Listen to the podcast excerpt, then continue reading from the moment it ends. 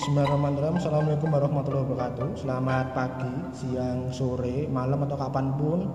Temanmu sedang mendengarkan suara saya. Alhamdulillah setelah sekian lama ide untuk buat podcast ini sekedar mengendap di kepala tidak terlaksana Hari ini saya akan memulai membuka atau memulai membuat podcast perdana saya. Podcast mata kunci nanti teman bisa lihat deskripsinya di podcast sebelumnya. Tadi saya sudah bikin deskripsinya untuk yang pertama ini nanti kita akan ngobrol-ngobrol ringan ngobrol-ngobrol santai aja. Karena yang pertama kalau berat-berat pasti kan tuh wah ngobrol sih? Bahasa abot-abot nanti. Makanya saya bahas ringan dulu. Kita akan bahas tentang musik koplo nah, musik koplo kan sudah sangat familiar buat kita semua. Dan tentunya saya tidak akan sendiri karena sendiri itu pilu. Makanya saya ngajak teman supaya tidak ngomong sendiri. Hari ini kita kedatangan tamu seorang boystar ya yang bernama Muhammad Syaki Mukhtar. Halo guys. seorang pemuda tanggung. Pemuda Pancasila. pemuda Pancasila. Seorang mahasiswa biasa masih awal-awal semester ya masih belum mikir abot-abot. Seorang penyuka musik koplo juga seorang aktivis juga. Aktivis apa mas? Aktivis kampus. aktivis kampus. Aktivis kampung, kampung, Intinya kampung. seorang aktivis muda. Jadi mungkin ya bisa kenalan sendiri sama mas Syaki nanti Boleh, saya taruh IG-nya di bawah karena nggak tulisannya sebenarnya Boleh, boleh. Oke, untuk kesempatan kali ini kita akan bahas tentang musik koplo, bagaimana apa pun yang ada dalam musik koplo kita bahas. Judulnya adalah estetika koplo. Kenapa estetika? Karena kita mencoba membahas musik koplo dari segi estetiknya, segi value-nya, segi nilainya. Karena selama ini kan kita bahas musik koplo kita bahas penyanyi nih, Hmm, bahas betul. rock mini, bahas bahas biduan sing munggah-munggah ning sound. Iya. Kita bahas seperti itu. Tapi kita Oh, coba Wong joget mabuk-mabuk. kita coba kulik-kulik hal lain tentang musik koplo yaitu tentang hal yang estetik darinya tentang nilai tentang value karena saya rasa banyak hal yang kita bisa ambil pelajaran dari musik koplo ini apalagi mengingat Indonesia sekarang sedang ya keadaannya kayak gitu lah lagi Hmm. lagi minim-minim toleransi makanya kita belajar tentang toleransi dari musik koplo gitu ya oke yang pertama dulu Mas Haki bisa saya hello dulu ya buat penonton atau pendengar Halo guys. Sing pindho lho Mas aku ini. Nanti kalau masih penasaran boleh di follow IG-nya, IG-nya apa, Oh, Mas? Bisa follow IG ku eh, teman-teman, ibu, bapak, anak-anak dan sayangku. Edzaki Muhtar. Babe, pasti. Kita ngomong jujur tentang musik koplo, tapi sebenarnya saya kalau boleh jujur saya lebih suka musik jazz. sebenarnya. Nah, jazz. Kok iso jazz? Buka sitting jazz. Receh sekali Anda ini. saya mau coba mengeluarkan punchline ya supaya. Ya, iya, iya. Buka sitik jazz, ayo masuk, masuk. Masuk ya. Masuk, masuk, masuk, masuk. Oke, kita ngomongin soal musik dangdut, dangdut koplo ya. Oh. Sebenarnya asal usul musik dangdut koplo itu kayak gimana sih? Mas Agi, menurut Oh, kamu, sepengetahuanmu loh. Dangdut ya. Dulu saya pernah sempat dengar cerita Kita mengenai. TV, tele- televisi soalnya sempat viral juga ya antara Roma Irama dan Inul Daratista. Jadi pada saat itu Roma Irama mengatakan bahwasanya dangdut ya dangdut, Oke. koplo ya koplo. Ya di situ konfliknya adalah bahwasanya Inul Daratista itu menggabungkan antara dangdut dan koplo. Dan eh, seba- apa? Sebagaimana kalian tahu bahwasanya Inul Daratista mempunyai goyangan yang sangat hot sekali yaitu goyangan ngebor. ngebor ngebor bangun rumah ngebor goyangannya Inul ya. Orang gobor tapi goyangannya Inul Bor. Jadi yang membuat Roma Irama mungkin sedikit kesal yaitu digabungkannya padahal menurut Roma Irama dangdut itu adalah sebuah ciri khas sedangkan koplo itu hanya sebuah irama dan aransemen musik lokal. Mungkin kalau menurut pendapat saya ketika berbicara koplo ya koplo dangdut ya dangdutnya makanya ketika koplo kalau menurut saya ya, itu musik yang ada di daerah lokal yang berirama sangat keras ya. Menurut saya maksudnya ketipungan nah cepat cepat dengan aransemen yang sangat cepat. Mungkin itu saja. dangdut sama koplo kira-kira Oh, dangdut itu seperti lagu-lagunya Ro- Roma Irama ya, macam Di undai-undai. Ah, nah, begadang jauh. Nah, bila kamu tak tung nah tak tung hmm, tak tung nah itu dangdut seperti itu Kalau koplo, kalau koplo? koplo binatang endong tak deng deng deng Oh. deng nah Jadi bedanya secara ritme. ya. Nah, beda. kowe tak sayang tak dung tak dung nah. Jadi ban meme. nah itu itu salah satu ya antara pembeda antara dangdut dan koplo. Itu sedikit penjelasan saja. Itu ketika kita berbicara koplo ya itu tadi musik koplo. Maksudnya musik semacam dangdut akan tetapi berbeda dengan dangdut.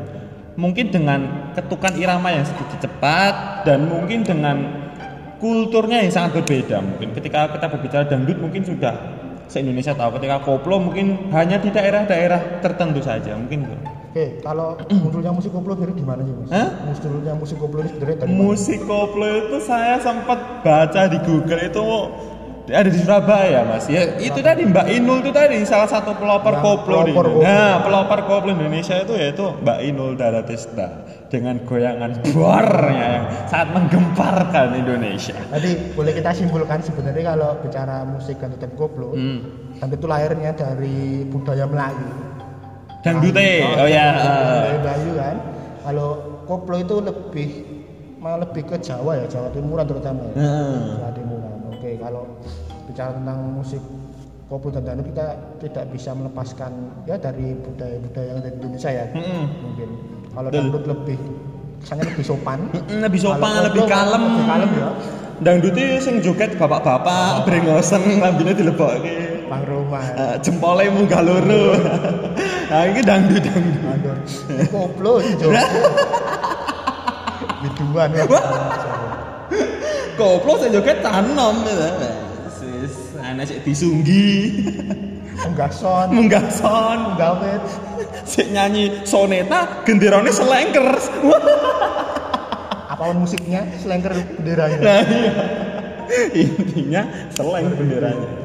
Jadi kita sudah tahu bersama secara koplo itu seperti itu. Jadi Hmm. memang tidak bisa dilepaskan dari ya kancah permusikan di Indonesia. Oh, iya, sekali. musik koplo adalah sebuah apa namanya sebuah evolusi baru dari dangdut. Nah, betul. Pak dangdut eranya Roma Irama adalah eranya bapak ibu kita dulu Mm-mm. ataupun kakek nenek kita dulu koplo adalah eranya kita sekarang sekali. Eranya kita sekarang kalau mau bicara perkembangan koplo juga luar biasa ya Iya benar. Dari koplo sing awalnya dan sekedar musik untuk menemani apa namanya acara-acara pernikahan Heeh, acara pernikahan, mantu, mantu sebagainya. Sekarang musik koplo masuk ke diskotik Ah. diskotik Iya masuk ke klub wong-wong suge-suge Mm-mm. ngomong Jakarta sing ngakune orang-orang modern. Itu kan Mm-mm. rumah ada musik koplo itu apa bedanya kan Musik koplo musik desa, padahal kowe neng klub yang ngrungokke koplo. Iya. Sama aja Anda kampung saja.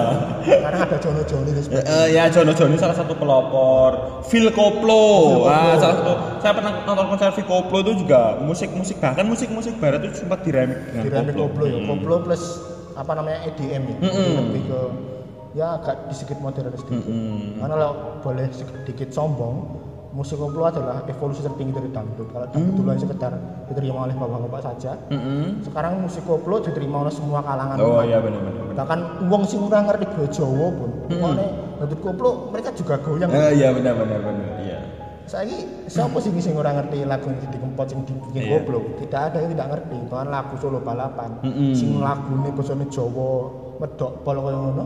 Wong luar Jawa ngerti dan mereka joget. Artinya musik koplo sudah terima semua kalangan. Oke, kalau itu kita bicara tentang sejarah Sejarah. musik koplo. Terus kira-kira hal apa yang bisa kita ambil dari musik koplo kira-kira? Tahu nggak kalau musik koplo itu sebenarnya perbedaan antara musik koplo dan musik pop yang sedih-sedih ya kira?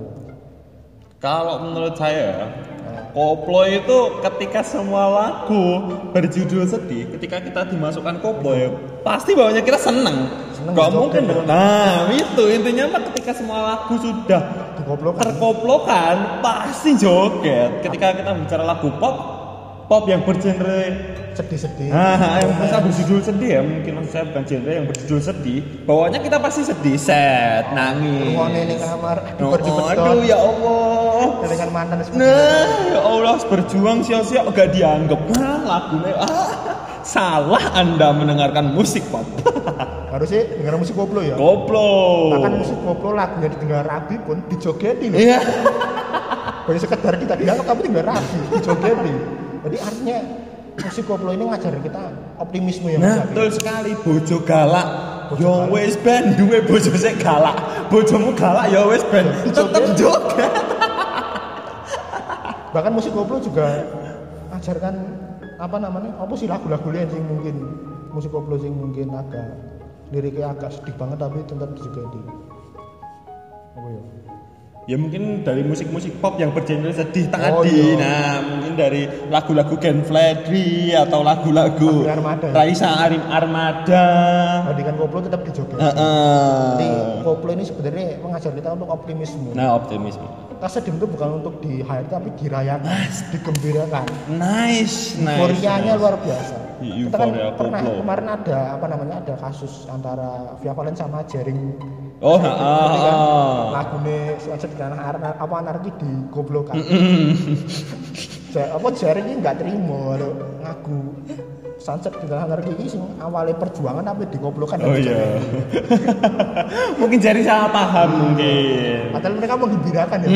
Sama-sama menggembirakan cuy. kalau lagunya jaring mungkin memunculkan semangat untuk berjuang kalau digoblokan Via Valen jadinya memunculkan semangat untuk berjoget ya. Intinya memunculkan semangat bos. Poinnya memunculkan semangat. Semangat. dan optimisme. Ah, ini optimis. perlu banget ya padahal Betul. di masa-masa pandemi seperti ini kita nggak boleh pesimis aduh wis aku wis pasrah karo urip wis ngopo-ngopo musik koplo ngajar kita untuk optimisme. Apa pun kondisinya dijogeti ditinggal rabi bojone galak orang duwe duit burung kerja pengangguran bahkan aku pengangguran dijogeti Tetap dijogeti. apa pun kondisinya kita apakah kita kondisi terpuruk seperti apa pun ya tetap joget tetap optimis.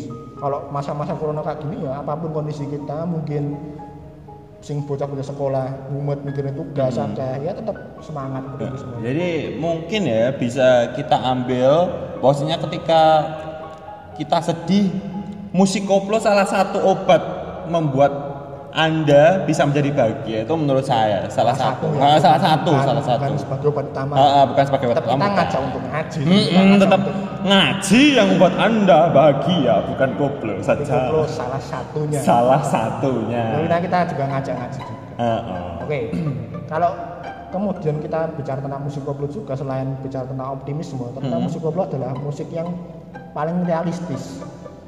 iya Liriknya, realistis. liriknya.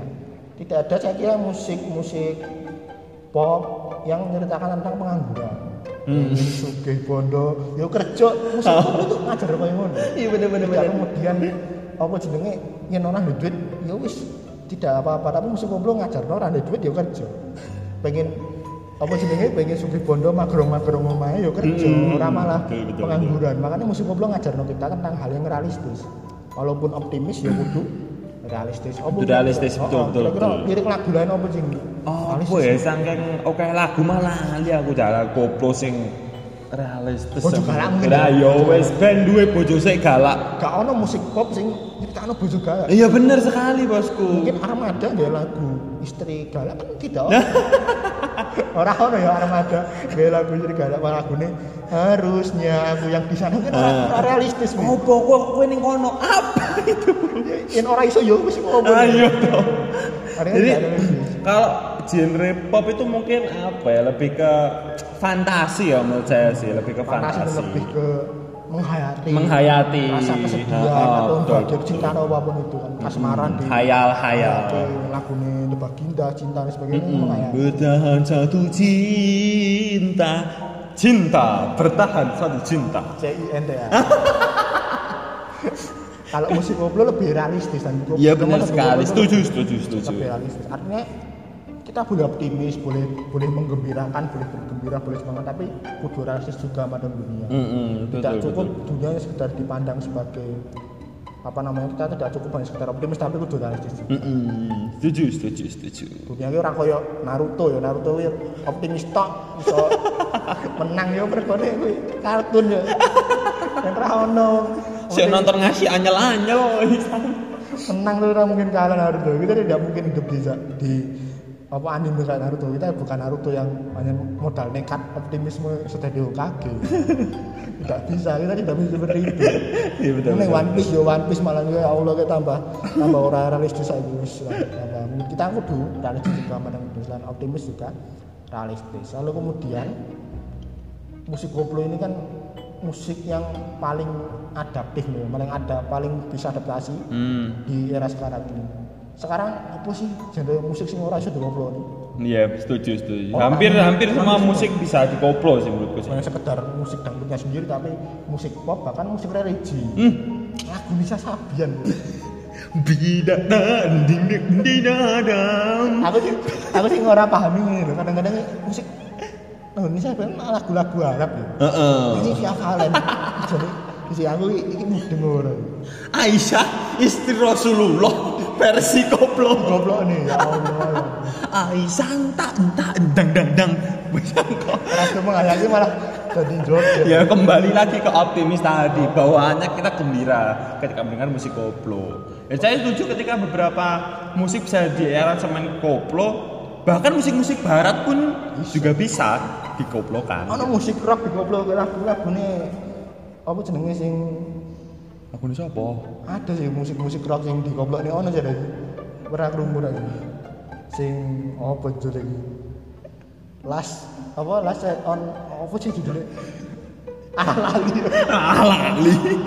bahkan kita sampai lupa. Ketika kita berbicara sempit balonku ada lima pun bisa. Bisa dibuat koplo saya balon. saya bahaya bahaya lah cilik-cilik tugas. Silakan nanti anak-anak cari lagu di YouTube. Balonku ada lima ke sekolah. Oh sing bocah kurang ajar. Balonku ada lima versi koplo plus remix. Lima jam. DJ remix DJ remix nenteng nenteng Bangun di sekolah joget kafe bahkan ketika kita bercanda di kelas pun ketika ada temen yang nyanyi sing klodekan go meja ya koplo. Orang mungkin dong musian apa kalau gue menco jazz. Nah iya. Orang mungkin kan nggak bisa. Tetap koplo tetap koplo. Apa mungkin kalau musik country gue kan mungkin itu tetap koplo kan jadi musik koplo ini musik yang paling adaptif untuk semua betul betul betul. genre genre lagu itu bisa masuk ke musik koplo bisa menerima semua genre lah menurutku koplo lah ya. Bahkan on slogannya kan semua kan koplo pada waktunya nah apa wae sing viral mesti koplo lagu sing temola temola ngerti ya. Ini temola. Aneh.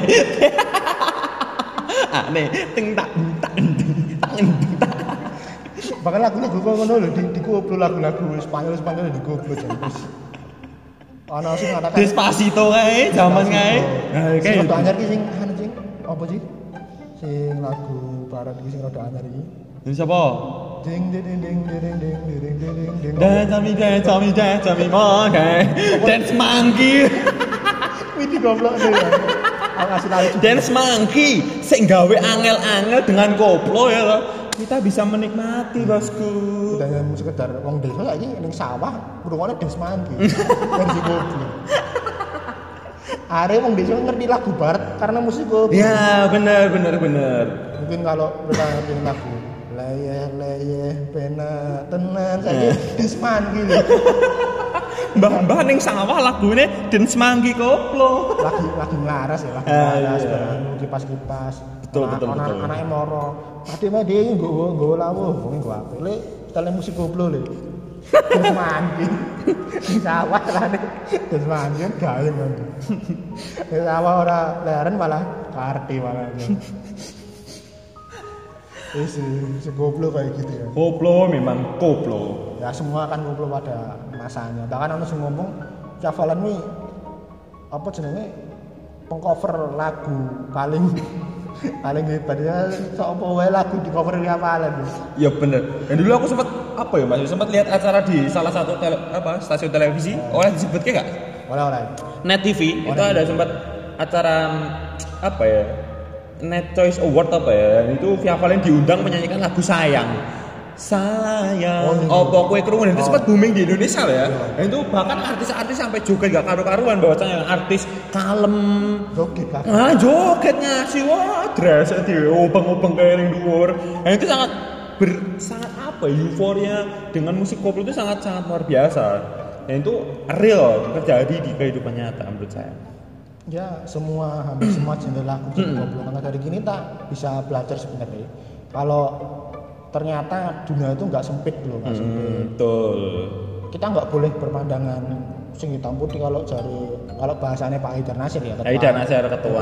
Muhammadiyah Ah. yang mengatakan nggak boleh manusia itu berpandangan oposisi benar oposisi benar itu apa ya kalau nggak salah ya benar Hmm. kalau bukan seperti saya ya berarti tidak tidak benar kalau Hmm. tidak seperti itu berarti salah jadi hanya menganggap dunia itu hitam putih saja. Padahal ono ono warna abu-abu ono Iya. warna ungu. Jingga. Hingga ono warna Iya. merah marun. Heeh, kuning teleh. Macam-macam kan macam-macam. Makanya kita harus memandang dunia ini secara ya secara di dunia kita harus memandang dunia secara beragam juga. Tidak Mm-mm, boleh kita memandang dunia secara sempit. Iya. kalau kemudian kita hanya sekedar eksklusif saja misalnya seperti musik. Jazz misalnya jazz kan eksklusif ya. Mm-mm. kalau terkamu ini tentunya ya pendengar itu tutup saja tapi kalau musik koplo karena dia adaptif dia mau menerima perbedaan yang ada apa wae genre musiknya apa wae model ketukane Mm-mm. dikoplokan semua bisa menerima semua bisa menerima. setuju Artinya- setuju setuju Yuk dunia itu emang beragam sih. Orang Iya. boleh kok yen ora ora koyo ngono, ora apalagi sampai berantem. Mergo beda sithik, Iya. beda beda apa jenenge? Beda pendukung, pemahaman pemahaman, beda Heeh. ideologi, beda pemikiran beda pemikiran sithik, beda kelamin kalau beda kelamin ya. Tidak ya. Nah, mungkin mungkin ketika bener ya masih sangat apa ya masih ketika kita salah berpendapat jangan sampai kita langsung menyimpulkan bahwasanya itu salah jadi bisa simpulkan bahwasanya mungkin itu ada yang lebih benar ataupun ada yang lain seperti itu Plus kita harus juga bisa menerima perbedaan. nah setuju setuju Nggak boleh kita kekeh dengan, yuk boleh sih kekeh tapi yuk kasus lagi terbaru polisi polisi apa? polisi nganu wong apa rasis di luar negeri Oh. ngidak sirahnya nah, itu kan salah termasuk termasuk tidak menerima perbedaan itu Yo intinya kita harus mencoba mulai terbuka dengan keadaan memandang dunia yang beragam ya secara ya secara kacamata yang beragam juga. Mm-mm, Warna kan ada, ada banyak, ada banyak pemahaman, ada banyak ideologi, banyak kultur, banyak budaya. Hmm. Indonesia apalagi Indonesia kalau teks Indonesia Indonesia kan luar biasa beragam ya, luar Ah, biasa, setuju, beragam, setuju, luar biasa suku bangsa banyak, agama juga tidak hanya satu saja. Mm-mm. Kalau kemudian kita memaksakan diri untuk memandang dunia dengan cara kita dan memaksakan dunia bekerja dengan dengan cara kita ya tidak bisa. Tidak semua mau seperti kita juga. Ya, ya sudah kalau tidak ada yang kalau ada yang berbeda ya kita sudah maklumi saja, kita terima keadaan dan kita juga harus bisa menerima perbedaan, menerima perubahan juga. Mm-mm. ketika kita berbicara perbedaan sedikit cerita saya juga punya temen non ya mas dalam artian non muslim Orang non, non laki-laki. bencong namanya bosku nah, situ ketika kita berbicara toleransi toleransi digawe guyon mas. Jadi ketika koncoku teko we wis sholat urung. Non muslim wis sholat urung. Nah itu bentuk toleransi yang dibungkus dengan bercandaan cuy. Dan menurut saya ketika apa pun yang dibungkus dengan bercandaan itu akan aman-aman saja. Itu menurut saya. Jadi ketika kita berbicara toleransi ya kita tidak memandang masih oh koncoku harus Islam semua. Tidak. Jadi ketika saya juga punya teman non dan di situ kita juga ya alhamdulillah bisa hidup berdampingan dengan aman. Ya guyup rukun pastinya. Saking guyup rukunnya dan saking apa ya aman-amannya bahkan non muslim pun ketika nongkrong gue sholat urung. Saking akrab ya. saking akrab ya gitu loh seperti itu loh. Mau dibales wis ibadah urung. Diajak. Diajak anu malah diajak lagu-lagu. Jadi intinya kayak gitu sih kita lebih harus adaptif. Kembali lagi kalau bicara tentang musik koplo ada berapa nilai yang bisa kita ambil? Yang pertama kita harus optimis, optimisme tadi optimis tadi ya. kita selalu beroptimis. Apalagi era sekarang ini era corona harus tetap optimis yo. Optimis. Dunia seperti apa kita tetap hidup. Eh, kita hidup tetap semangat tentunya. Kebenaran. bahagia ada rabi mau kita diputus pacar ataupun kita sedang kalau dan sebagainya ya hidup kita harus berjalan Iya benar. Berjalan. tapi tidak boleh hanya optimis saja tapi kita juga harus realistis Eh, eh, kembali lagi ke realistis tadi ya teman-teman ya. optimis realistis terus yang terakhir kita juga harus meng- apa jenenge menghargai perbedaan Menghargai perbedaan. terus Setuju. Bisa beradaptasi Menerima semuanya. menerima, menerima banyak hal yang baru Mm-mm. tidak semua sesuai dengan kondisi kita tidak sesuai semua tidak sesuai dengan pemahaman kita lah Eh, setuju. kita lebih lebih apa namanya lebih ya lebih adaptif kira seperti itu Setuju, setuju. mungkin mungkin terakhir ada pesan kesan Apa ya pesan-kesan mungkin nggak ada ya. Mungkin pesan buat pendengar Wil? buat pendengar mungkin Di podcast eh, yang pertama ini. eh, podcast yang pertama buat teman-teman yang mendengar podcast ini jangan bosan-bosan untuk mendengarkan podcast selanjutnya dari Mas Atta Gledek ini. Mas Atta ini adalah sebuah apa ya guru buat saya ya. Guru Mas Atta ini sebuah guru. Buat teman-teman jangan patah semangat stay safe jaga kesehatan.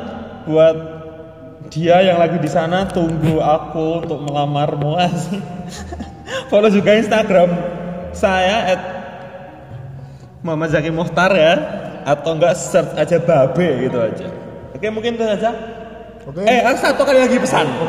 Ketika kalian mempunyai masalah carilah kebahagiaan dengan cara apa pun.